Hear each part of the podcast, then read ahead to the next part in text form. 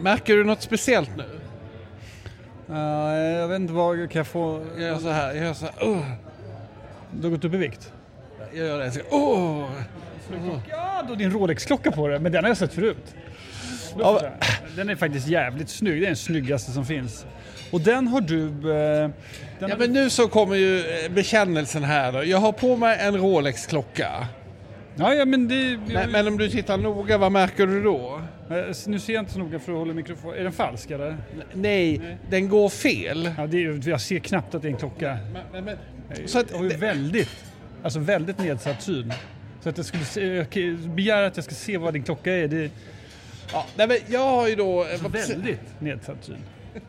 Jag har då precis varit och hämtat min Rolex-klocka från den här Ja, vad kostade eh, det? Vad Rob? Rob Engström Ja. eh, som ligger då på... Eh, Vad kostade? Eh, då- Vad då- kostade den nej övningen? men alltså grejen var ju den... Har du lämnat att- in på service? Lämnade in- Inte under 10 000 kronor? Nej men alltså det kostar 25 000 kronor. Men då... Eh, inte men jag hade inte råd. råd. Okej, så vi ska gå tillbaka nu eller? Nej, nej, nej. Jag bara försöker förklara nu här att eh, jag har en Rolex-klocka på mig, men den går inte. Och då, eh, för att 25 000 skattade kronor för att ha en klocka på sig, eh, det kändes liksom... Eh, ja, vi får se. Det, det kan men vara jag kan att det har berätta- gått bra i år och då, Ja. då, då Men du ska inte jag lägga, göra. jag tycker inte du ska lägga 25 000 kronor på för det där är ju som all annan typ av serviceverksamhet. Du kan ju gå till en vanlig urmakare som vet hur de ska hantera de där uren. Eh, det är ju en, eh, är det dessutom inget fel på den, det kanske verkar vara som den inte Ja, går. men alltså de har skickat den till Schweiz och tillbaka igen. Bara det kostade 1500 kronor. Ja, det låter, det låter ju för sig billigt. Man ska Sen skicka brev Viggo, det är viktigt att skicka brev. Det är bra att du gör det. Skicka på. Du, du, sen tänker jag så här.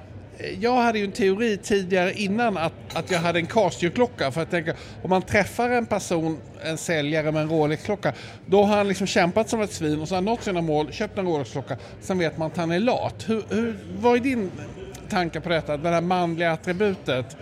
Eh, Förstår- förstår du frågan? Eh, jag förstår frågan. Eh, Jag tänker Ja, det det finns det fin- finns några lyssnare där ute som funderar, ska jag verkligen gå runt med en Rolex-klocka eller inte? Vad är ditt råd till dem? det är att eh, det ska man absolut göra om man har en Rolex-klocka. Eh, men jag tror att... Tycker du de här signalerna att man är proppmätt, är det Rolex-klockan eller är det så att man sätter upp ett mål, når det, köper en Rolex-klocka, belönar sig själv och sen är redo för nya mål? Ja, så ska det vara. Jag tycker en annan, jag tycker den där spaningen var, eh, den var ju så uppenbar så den vill jag inte ens prata om. Men det finns en annan sak som jag som har slagit mig, det är att folk som säljer någonting som de inte har råd att köpa, han där borta är en sån till exempel, och hans klocka. Folk som säljer någonting som de inte har råd att köpa, de blir lite knäppa. Alltså praktiken då, om du ska gå in och köpa en ny Rolex, då får, eh, handhar en expedit dig och han har någon sån här lättfrilla och, och taskig uppsyn. Och så ska du betala kanske 50, 60, kanske 300 000 kronor för den. Han har inte råd att köpa samma sak själv. Han ska serva dig och förhålla sig till dig och visa att han är en jämlike med dig. Och då blir det Men är inte det, jag tror det är precis tvärtom. Hela poängen med att man köper en klocka för 300 000 det är ju liksom att visa att man är överlägsen. Och, eh, Men exakt, men det var han, expediten blir liksom skadad av den överlägsenheten. De, de är inne i en värld som de inte, de får inte vara med där men de ska samtidigt se ut som de ska vara med där. men alltså, nej, jag är inte säker på att det är så... Det är, det bevisat, kliniskt. Det är det som är, jo, det, är inte, det är inte en fråga om vad du tror utan det är, det är liksom klart. Okej, Det är okej. från Karlstad universitet, det kom eh, Karlstad universitet. en doktorand som Ja, tog fram det alltså- här. Det är nytt. Ja, nej, men alltså, vad, vad ägnar du din tid åt? Att läsa sådana här... Alltså, Det är återvinningen och skriva brev, det är de tre grejerna jag gör. det var jättebra faktiskt. Det är många som säger att de skrattar när de lyssnar på podden. Och då tänker jag alltid att de skrattar åt mig, men de kanske skrattar åt dig. Det tror jag inte. Du är ju den roliga av oss. Alltså, Jo, men det här var ju nej, men du Det här är- var ju... Det, du är som, Tjorven och jag är farbror Melker. Du är liksom tultar omkring naken och ramlar och slår och skriker. Och, och jag är eh, farbror Melker som eh, sitter och röker på verandan. vi sitter här nu på Rish, vi är tillbaka vid bord 28, där vi liksom eh, vår läst kan man säga. Vi är ute och far och flyger ganska mycket. Men, men du har ju lovat här en väldigt genomtänkt spaning var det första du sa. Men ska vi först ta lite... eh, Jag måste bara säga, jag hade ju mitt födelsedagskalas häromdagen. Och, och då satt du liksom och, och turtade med en gäst som är en av mina bästa kompisar. Då blev jag liksom lite avundsjuk. Men eh, jag skulle säga att hon, eh, hon och jag är ju väldigt nära vänner eh, numera. Men jag tycker att vi är ännu närmare vänner. Jo, Är det, jo, liksom, jo, jo, det är intressant det här Nu är med... du Tjorven och jag farbror Melker så jag har ingen eh, rangordning i det. Jag tycker, tycker Ebba är toppen och när jag träffar henne... Eh, Vad ja, pratar ni om hela tiden då? Vi pratar bara Jag försökte tränga in i samtalet men ni stängde liksom ute mig. Vi pratar om vuxensaker Viggo. Som vuxna människor pratar om. Vi pratade om... Eh, eh, ja, jag vet fan vad vi pratade om. Det är hemligt naturligtvis. Nej, det var hemligt. inte så hemligt men... Eh, Du, men var du mest svartsjuk på att jag satt med Ebba eller att Ebba satt med mig? Hur kände du? Du förstår skillnaden på frågan? Nej, men det var ju att Ebba eh, liksom knappt såg mig och bara var så liksom, rolig med dig. Ja, ja, men i ärlighetens namn. Det har ju så det varit i 15 år nu. Det är ju inte... Okej Viggo, nu ska vi, eh, om bara så här, eh, och vi samlar ihop oss lite grann, halvlek här nu, eller kvarts, eh, kvartslek. Du ska gå och ta, du ska kunna använda din klocka, du ska vara stolt över den, framförallt eftersom du fått den av en, en fin vän. Eh, du ska, eh, jag ska hjälpa dig med några urmakare som kan, eh, som kan kolla på det här. Det är klart att det inte är rimligt att du betalar 25 000 kronor för det, jag vägrar tro det. Eh, Men jag tycker, som svar på din fråga också, tycker jag att du ska bära den även om den inte går. Eh, Jag ju, har ju alltid haft klocka, nu, har jag kommit på, nu slutar jag bära min klocka och det är för att jag sitter och kollar på den här telefonen istället där man har, eh, där man har tiden. Ja, nu lät jag som jag var född på eh, 1930-talet. Nu ska du få en efter eh, En riktig spaning utlovad. en riktig spot. Eh, Spänn fast dig nu Kavling, nu åker vi. Nu blir det åka av. Pappa sitter i förarsätet. Efter att ha läst Dagens Nyheter idag kan jag konstatera att det finns fem skäl som, som jag idag kan avslöja att vi inte lever i verkligheten. Vi lever i själva verket i en James Bond-film. Fem skäl ska jag föra. Oj, oj, oj. Ja, men spännande. Jag vet inte om jag... Jag Du med- hittar fem artiklar och läser Dagens Nyheter. Jag, jag, eh, jag har tänkt... Ja, skitsamma. Någon är kanske från svenskan också. Men fem skäl att vi lever i, och det ska jag säga, det här är inte någon eh, slentrianmässig kritik mot DN, det hade kunnat vara vilken tidning som helst. Fem skäl till varför vi lever i en James Bond-film. Skäl ett, Elon Musk. Ja, nej men han är den onda. Tre saker med honom. Hans namn, Elon Musk. Det är ett James Bond-namn. Han, en miljardär som tar över både medier och rymden. Praktiken där det är samma sak som, eh, nu har jag glömt bort vad han heter i filmen som jag har glömt bort vad det heter också. Jag. Klassisk Bond-profil helt enkelt. Elon Musk. Läste du om eh, att när han eh, tog över Twitter så, så sa han att han inte skulle sparka någon och sen så en månad senare så sparkade han alla. Och då gjorde han så med cheferna att eh, han hade släckt ner deras e-postkonto innan han sa detta så att de hade inte skickat in sin, sin, sin av, av, de hade liksom möjlighet till fallskärm men genom att han lömskt stoppade detta så genom liksom intrigera med datasystemen innan så, eh, så lyckades han blåsa dem på, på de här pengarna. Det är ju väldigt taskigt. Det var exakt så du gjorde första året som chefredaktör på Resumé också. Du tog bort, jo, du tog bort alla mellanchefer och så kommer jag ihåg att det är något tidningsut så chefredaktör ansvarig utgivare Viggo Kavling, redaktionschef Viggo Kavling, nyhetschef Viggo Kavling. Jo, men jag blåste ju inte någon på Ja, dess det- fallskärm. det- det råder delade Nej, meningar. Många, Flashback. det Kolla var, Flashback sen. ja, alltså, många fick sina fallskärmar. Må- Många. Ja, tyvärr inte du, men... Men eh, jag, blev inte, jag var inte anställd vid den tiden, herregud. Elon Musk, plats ett. Varför lever vi i en James Bond-film? Elon Musk, plats två. Och nu läser jag. Direkt från Dagens Nyheter. En varning om en AI-upptäckt som kan utgöra ett hot mot mänskligheten kan ha varit en utlösande faktor till att Op- OpenAIs VD Sam Altman fick sparken. Där Viggo, där har du baksidestexten på VHS-kassetten. Altman, klassiskt Bond-skurknamn också. Jag läser igen. En varning om en AI-upptäckt som kan utgöra ett hot mot mänskligheten. Ja, men jag läste det, jag tyckte jag har svårt att se att en dataapparat kan vara ett hot mot mänskligheten. Mänskligheten har ju ändå... Eh, jag tror Johan och Susanna berättade nu att de hade varit där i... Det är någon som hälsar där på oss. Eh, förlåt mig, att de hade varit i Sydafrika och då hade det funnits spår av människor som var 300-400 000 år gamla där nere i Sydafrika. Och det var ändå i västra Afrika som de började så att har vi klarat oss hittills kommer vi klara oss ett tag. Det är inte AI som kommer döda oss. Temat är alltså att vi lever i en James Bond-film. nu kommer ytterligare en text Ja, vi måste väl ändå få lov att respondera här på Nej, nej, förlåt. Jag brygger bara in till min nästa... Du ska Ja, respondera. Herregud, herregud. Jag är inte känslig sådär.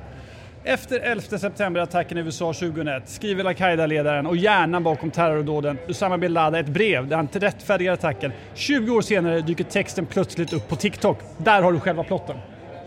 Plötsligt dyker det upp på TikTok. Och kanske att Elon Musk är den som har köpt TikTok då också. Så man liksom får ihop en historisk händelse, för det gör de ju ibland i Bondfilmerna, med eh, hittepå. Va?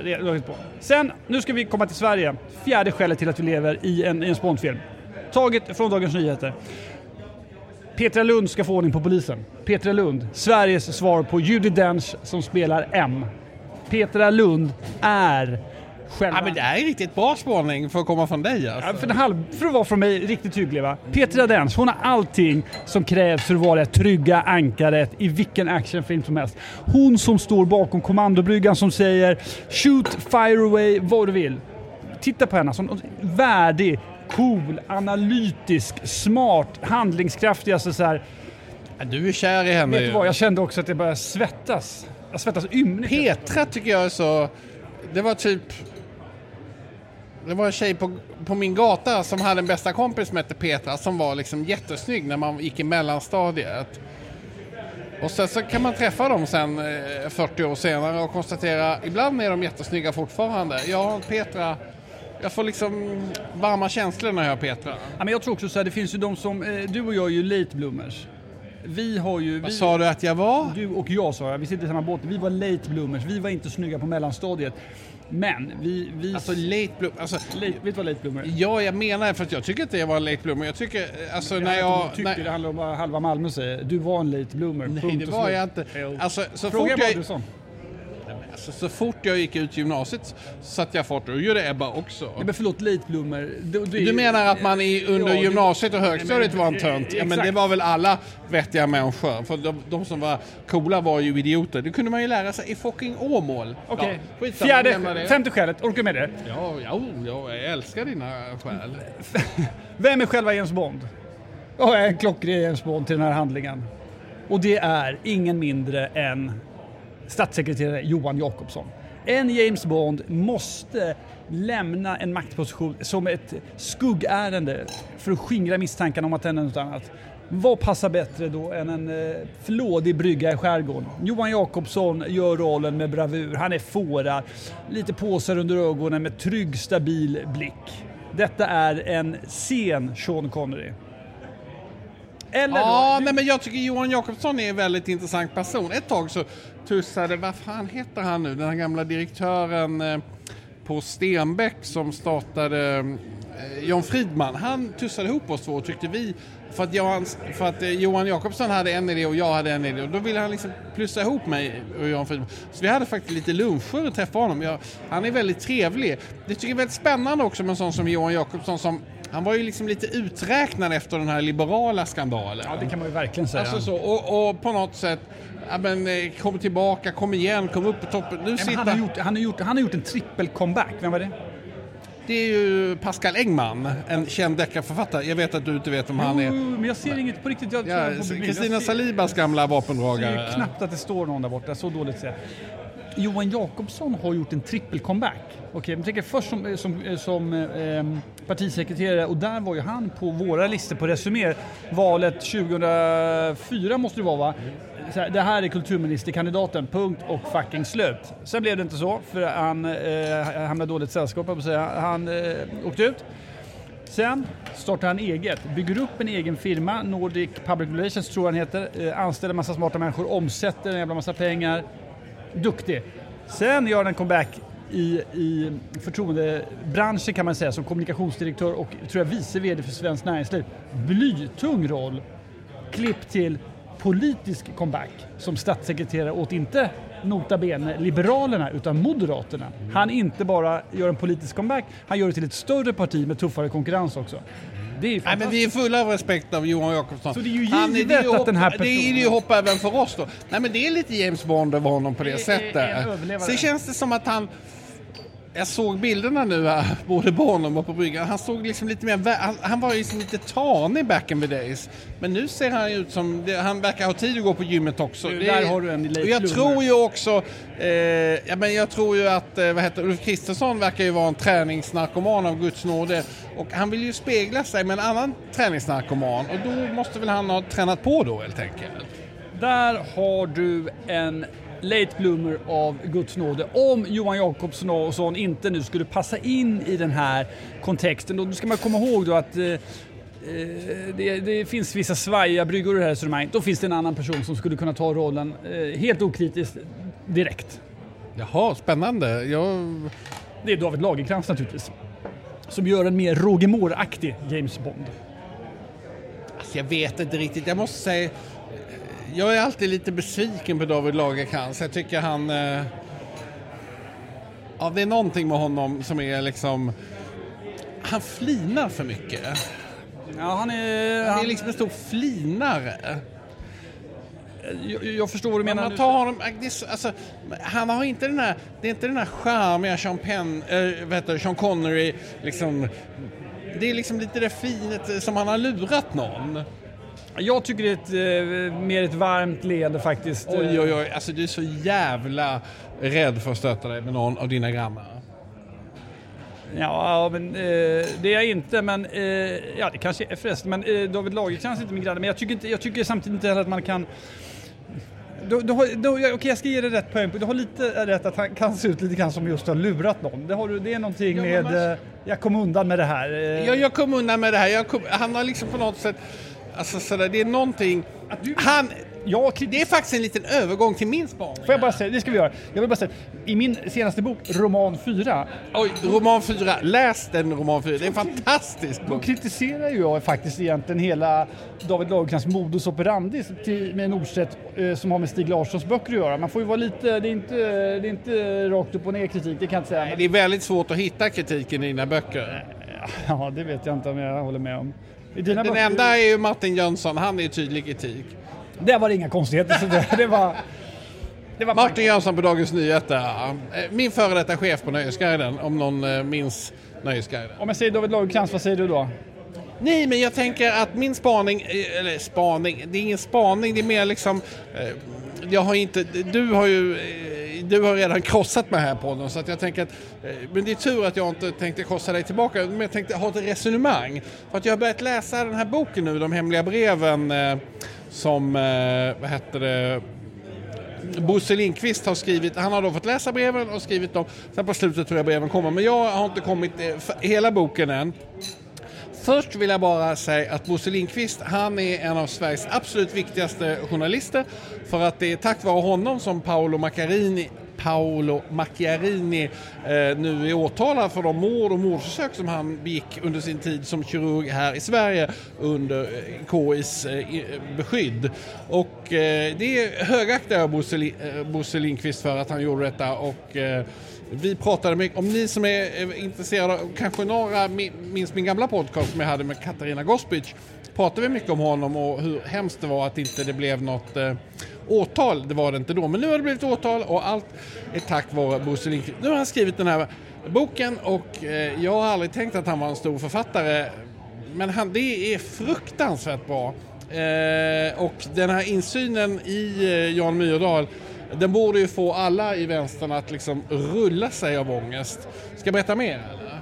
Nej, jag håller med dig om det. Vi har ju pratat om det tidigare. Jag tycker att det här eh, institutionaliserade, eh, institutionaliserade gullandet med Jan Myrdal och eh, hans politiska handel och vandel, att det har fått stå emotsagt och accepterats under decennier, det är faktiskt en skam för kultursverige.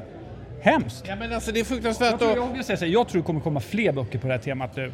Det kommer det nog, det kanske det kommer göra olika, det, det, det liksom träder fram. Till, till början så vill jag säga att jag läste att Victor Malm i Expressen, han blev väldigt berörd av boken. Det blev också för att jag tycker att den här kärlekshistorien som är i boken mellan Gunnar och Alva Myrdal den, är liksom, den, den vittnar om det moderna projektet i Sverige. De, de träffades, han var ute och cyklade med sina kompisar och, och fick sova på Hökullen på bondgården där hon då var, var dotter. Och tycke uppstod och de Bada bim, bada boom som vi säger. Bada bim, bada boom. Och sen så fick hon då följa med och cykla med dem och sen så skrev hon ett brev till sin pappa och så fick hon åka med dem i tre veckor och sen så utvecklades deras kärlek. Hon var liksom en naturbegåvning som liksom inte fick utbilda sig men som då med hjälp av Gunnar så kunde de tillsammans göra det liksom. Det måste ju varit det första moderna powercouplet kanske i världen egentligen om man ska vara riktigt stor sådär. Men hon fick jobb på FN. Fick, jag har precis kommit nu och har fått det högsta tjänsten på FN som en kvinna har fått. Det är ju liksom... Men bägge har väl fått Nobelpris dessutom? Ja, men precis, alltså det finns så mycket med dem. Eh, och jag tror som du säger, det, det är intressant. Det där är första moderna powerparet som så att säga håller fortfarande idag. Alltså man, man struntar i kungligheter och annat förr i tiden så är det så här, det, du har helt rätt i det, det är jävligt intressant. Och har det funnits, De är liksom lite self-made har det också. funnits något powerpar som ens som är i närheten av dem. Alltså det är bägge två så extremt jämlikt och extremt framgångsrikt. Alltså det, nej men nu får man ju via Bosse då se att det var ju jämlikt. eh, Det var ju inte jätte, jätte jämlikt men det var pratar, jag period. pratar karriärmässigt, alltså att man har lyckats bägge Nej, två. men inte. Nej, men ett tag, han ville, hade ett jobb i Genève och då fick hon vara hemmafru och nu har hon precis då fått det här jobbet i FN och åker iväg och lämnar familjen. Men, men där är det också väldigt spännande att åt, återkoppla då till David Lagercrantz den här liksom extre- alltså att vara född in i den extrema eliten och eh, liksom på något sätt, eh, David Lagercrantz flinar lite grann och liksom han tittar på sina föräldrar och, och ser bara liksom godhet. Så är det ju med, Eh, eller godhet, ni förstår vad jag menar. Han ser bara liksom en enorm framgång och en enorm, eh, vad ska jag säga, värme. Och det där har jag tänkt mycket på när man själv ska uppfostra sina barn. För att man vill ju inte på något sätt överglänsa barnen liksom så att de är liksom jag tror Jan Myrdals reaktion är liksom att han han är liksom kronan av det moderna projektet, av det, det, det bästa, mest lyckade äktenskapet. Och så, så börjar han liksom säga att folk ska skjutas ihjäl och, och han, han skriver dödslistor i, i tonåren. Du vet på förläggare som inte vill ge ut hans bok och de ska liksom mördas och Stalin är hans stora idol. Alltså det är så, det, det, det är så svart i Jan Myrdals själ att man och han, han, han gör en tjej med barn och han kallar det för ungen och han vill inte... Det är ju en person som är hatisk. Alltså det, han är ju hatisk i allt han gör och han attraheras av hat också. Du... Eh, Det är fascinerande att en sån person har lyckats trollbinda hela 68-vänstern på det här sättet med det här... bara Oh, Det fortsätter ju. Detta daltande med Jan Myrdal, att han ska få hålla på. Denna satans mördare. Du, skit i honom nu. Vi har fått en ny eh, chefredaktör i Sverige.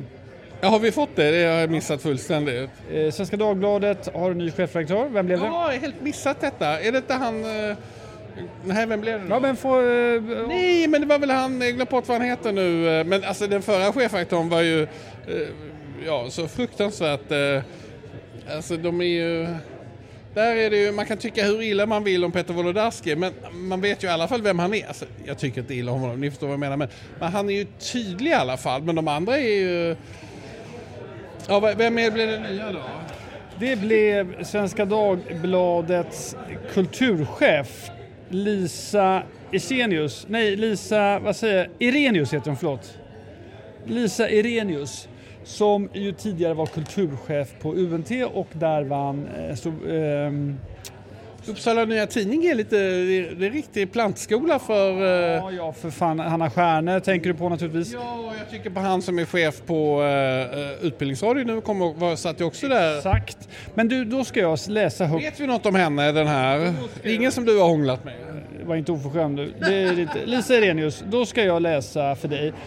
Hon intervjuas idag, lämpligt nog i Svenska Dagbladet, och då säger hon följande. Så här eh, adresserar reporten Lisa Renius, ny chefredaktör på Svenska Dagbladet. Du skrev din första artikel i Svenska Dagbladet som 21-åring, en understreckare om en filosof som utnämnde tiden kring år 2000 till festligheternas era.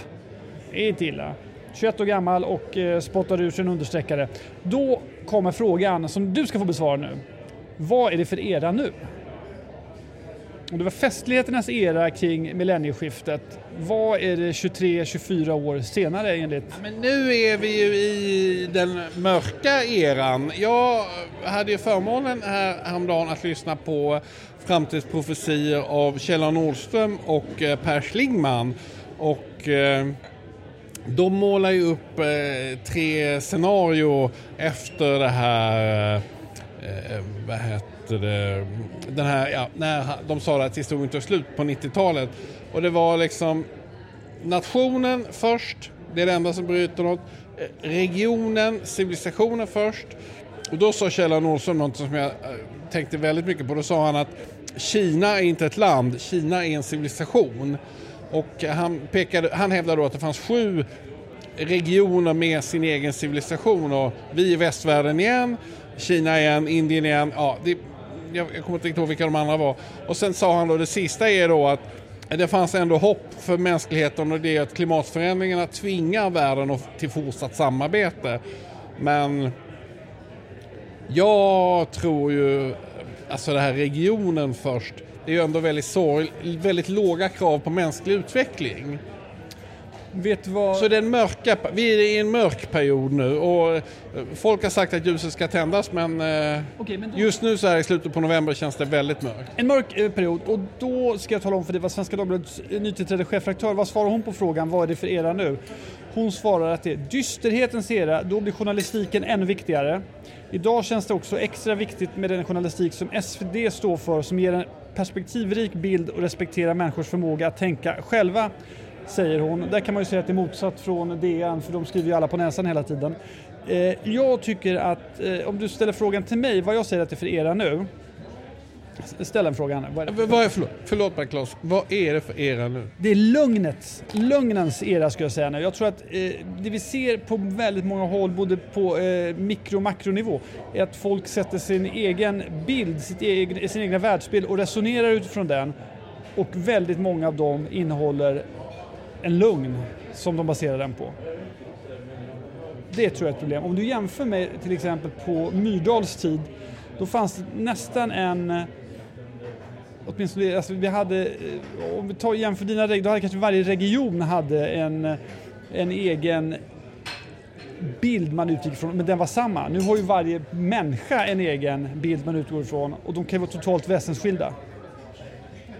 Vilket formar oss till lögnens era. Det är ett jävligt eh, välklätt smokinggäng som står där borta. Undrar var de ska någonstans. Alltså, detta var nästan... Kommer vi ha några lyssnare kvar? Vi vill ju liksom sprida lite ljus och glädje och att det ska vara kul och leva och spännande. Jag kan berätta, jag ska göra något jävligt kul här ikväll. Vad ska du göra? Jo men då är det ju så att uh, Backstreet Boys var ju typ det hetaste bandet. Uh, jag älskar på... Backstreet Boys. Ja, nej men precis. Och nu så är det ett antal killar då som Eh, Eh, ja, men han, lite olika sådana som kan sjunga väldigt bra, som ska sjunga de här låtarna på min kompis Peter Bengtssons hamburgerbörs, han är chef där. Och då ska vi gå dit och eh, det kommer ju vara lite som att vara på Chippendales. Jag förstår att det är 80% tjejer och eh, jag går dit med min fru så att, eh, vad heter det, men jag, jag rekommenderar män som vill ligga att eh, eh hovra runt eh, Hamburger Börs för då sjunger de och så kommer tjejerna ut och är på så jävla gott humör. Och det är jättehärlig musik och vi ska hänga där, det ska bli jättekul. Där är det fan med inga tråkiga, dystra miner på en sån tillställning. Du, han var väldigt trevlig din kompis på Hamburger Börs tycker jag. jag träffade honom hemma hos dig på ditt födelsedagskalas. En annan sak som jag vill Han är nyförälskad. Jag träffade henne också. Ja. Och det var ingen, hon verkar inte helt oförälskad heller. Nej, men det är så härligt när, eh, den här förälskelsen eh, när man... Eh, och det, om man ska knyta an till Gunnar och Alva Myrdal så hade de varit Idag då hade de skilt sig och hittat nya partners. Det är ju svårt att träffa någon när man är 20 och att hålla, förutom dig då, hålla distansen ut genom livet. Men, men han har precis träffat henne och de verkar ha det jättebra. Och jag känner ju igen det här sen jag träffade Anna, att man det är lite oväntat att man kan träffa någon och bli så förälskad när man ja, när har man, nått en mo... Avsluta den meningen, när man, när man vadå? Nej men när man har liksom, när man, när man, man tänkte liksom, när man var, nej men när man var väl 20 30 tänkte man varför får jag inte ligga nu? Men liksom helt plötsligt då när man når den här åldern så är man liksom lite mer attraktiv, det är jätteförvånande. Du är en late bloomer. Helt nej, det är jag inte för att jag har varit alla mina mål som jag hade när jag var 19 har jag nådde jag innan jag var 35. Nej. Du blev inte chef, eh, chef för Moderna Museet. Du blev inte chefredaktör på DN. De målen hade jag inte när Det man heter inte... fortfarande Stora Journalistpriset, inte Kavlingpriset. Du, eh, får jag fråga Jag har, haft, jag har lyckats med... Alltså jag har nått många av mina mål och det är jag jättestolt och glad över. Sen har jag nya mål och, och de kvarstår. Självbiktspodd, du är inte på bara vara nu. Vad är det för malande om dina mål? Gå i terapi. Du attackerar mig och då svarar jag. Du har attackerat. Det här är som att vara i Är det här en terapi. attack- Är det här en attack, attack tror du? Du har inte sett en attack. Jag vill säga en sak till dig. Eh, en, det, var, som sagt, det var jättetrevligt att vara hemma hos er i söndags. Eh, vet du vad jag tyckte var eh, både ro, eh, vad heter det, bäst och mest förvånande? Av det som serverades.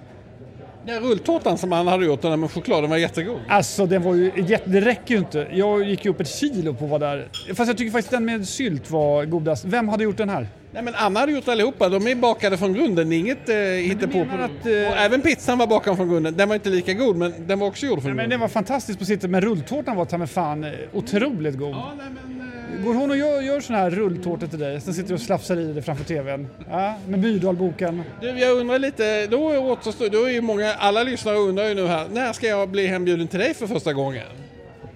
Vadå? Ja, om ett par, om ett par år. alltså. Ja, om ett par år kommer det att hända. Men vi sitter här på Rish och eh, nu, eh, jag uppfattar det som tiden är slut här. Nu ska du gå och eh, dansa till Backstreet Boys. Jag ska hem och, och göra lite pizza till mina, eh, mina söner först och sen ska vi, jag tänkte jag ska sittdansa lite. Ja, men det är nog bäst så du inte skadar knäna. Nu, jo för fan, får jag säga en annan sak. Har du sett eh, vår lyssnare, vår man i Djursholm, Peter Tam, har fått jättefin eh, feedback eller kritik av eh, Cecilia Hagen Expressen för sin bok om sin mamma. Mm, men jag läste det, eh, vad heter det, det är ju, det, det kan ju vara veckans roligaste eh, höjdpunkt när eh, Cecilia Hagens torsdagskrönika kommer. Ja, blir- det håller jag verkligen med. Cecilia Hagen, hon eh, kapslar in henne på säga, så hon ska vara kvar jämt. Hon ska aldrig försvinna. Men den avslutas på ett eh, kul sätt också med en adress till både dig och mig som handlar om då eh, Peter Tams mamma som flyttar, eh, hon blir gammal och excentrisk, rätt nära honom. Kommer man bli en sån förälder som följer efter sina barn och ständigt ger dem lite dåligt samvete eller kommer man inte bli det? Alltså mina föräldrar eh, dog ju alldeles för tidigt och det är ju tyvärr en prognos även för mig så att eh, det är inget problem som jag går runt och tänker på så jättemycket. Nej men din mamma bodde ju å andra sidan kvar i Malmö. Hon, hon, du var ju, du var alltså, ju en bit över 40. bo- Hon måste ha varit över 50. Nej, nej, nej, nej. nej. 45 Nej, nej, nej. Jag var... Eh, 40 år. ja, nej, men, nej, det var strax efter... för- Nej, men alltså båda mina föräldrar dog alldeles för tidigt och eh, tyvärr innebär ju det dåliga odds för mig också. Läste du? Jag åker inte läsa men jag hörde intervjun med hon den där eh, kvinnan som hade gjort sådana test att hon skulle få Alzheimer. Som, Men jag, jag fick frågan idag om det finns någonting jag tar för givet. Jag fick frågan i ett sammanhang. Är det någonting du tar för givet? Och jag svarade blixtsnabbt, min hälsa. Vilket är, men det är tyvärr sant. Men du, jag tänkte på en annan sak. Jag, alltså fy fan, nu är vi inne på så jävla Ja, men det är ju tråkigt du som ämne. kommer tillbaks till det här hela tiden. Jag kan inte hjälpa att du är gammal och dödsångest. Jag har inte det. Jag försöker berätta om min kompis Peter Tams bok som han har skrivit. Han har fått beröm för det. Jag var glad för hans skull. Men du pratar ju om dig själv hela tiden. Det är otroligt. Rulltårtor och dödsångest. Hur har du blivit? Sitter i någon spark direkt av jeans. Ja, jag vill också säga då, nu, nu när vi ändå är på övertid här så eh, vill jag bara säga att Linjekockar kommer tillbaka Ja. och första programmet är ute nu så titta gärna på det, ni som vill ha mer. Och sen är vi tillbaka om en vecka. Bra. Ska vi säga hej då? Ja, det säger vi absolut. Jag tyckte det här avsnittet var kul.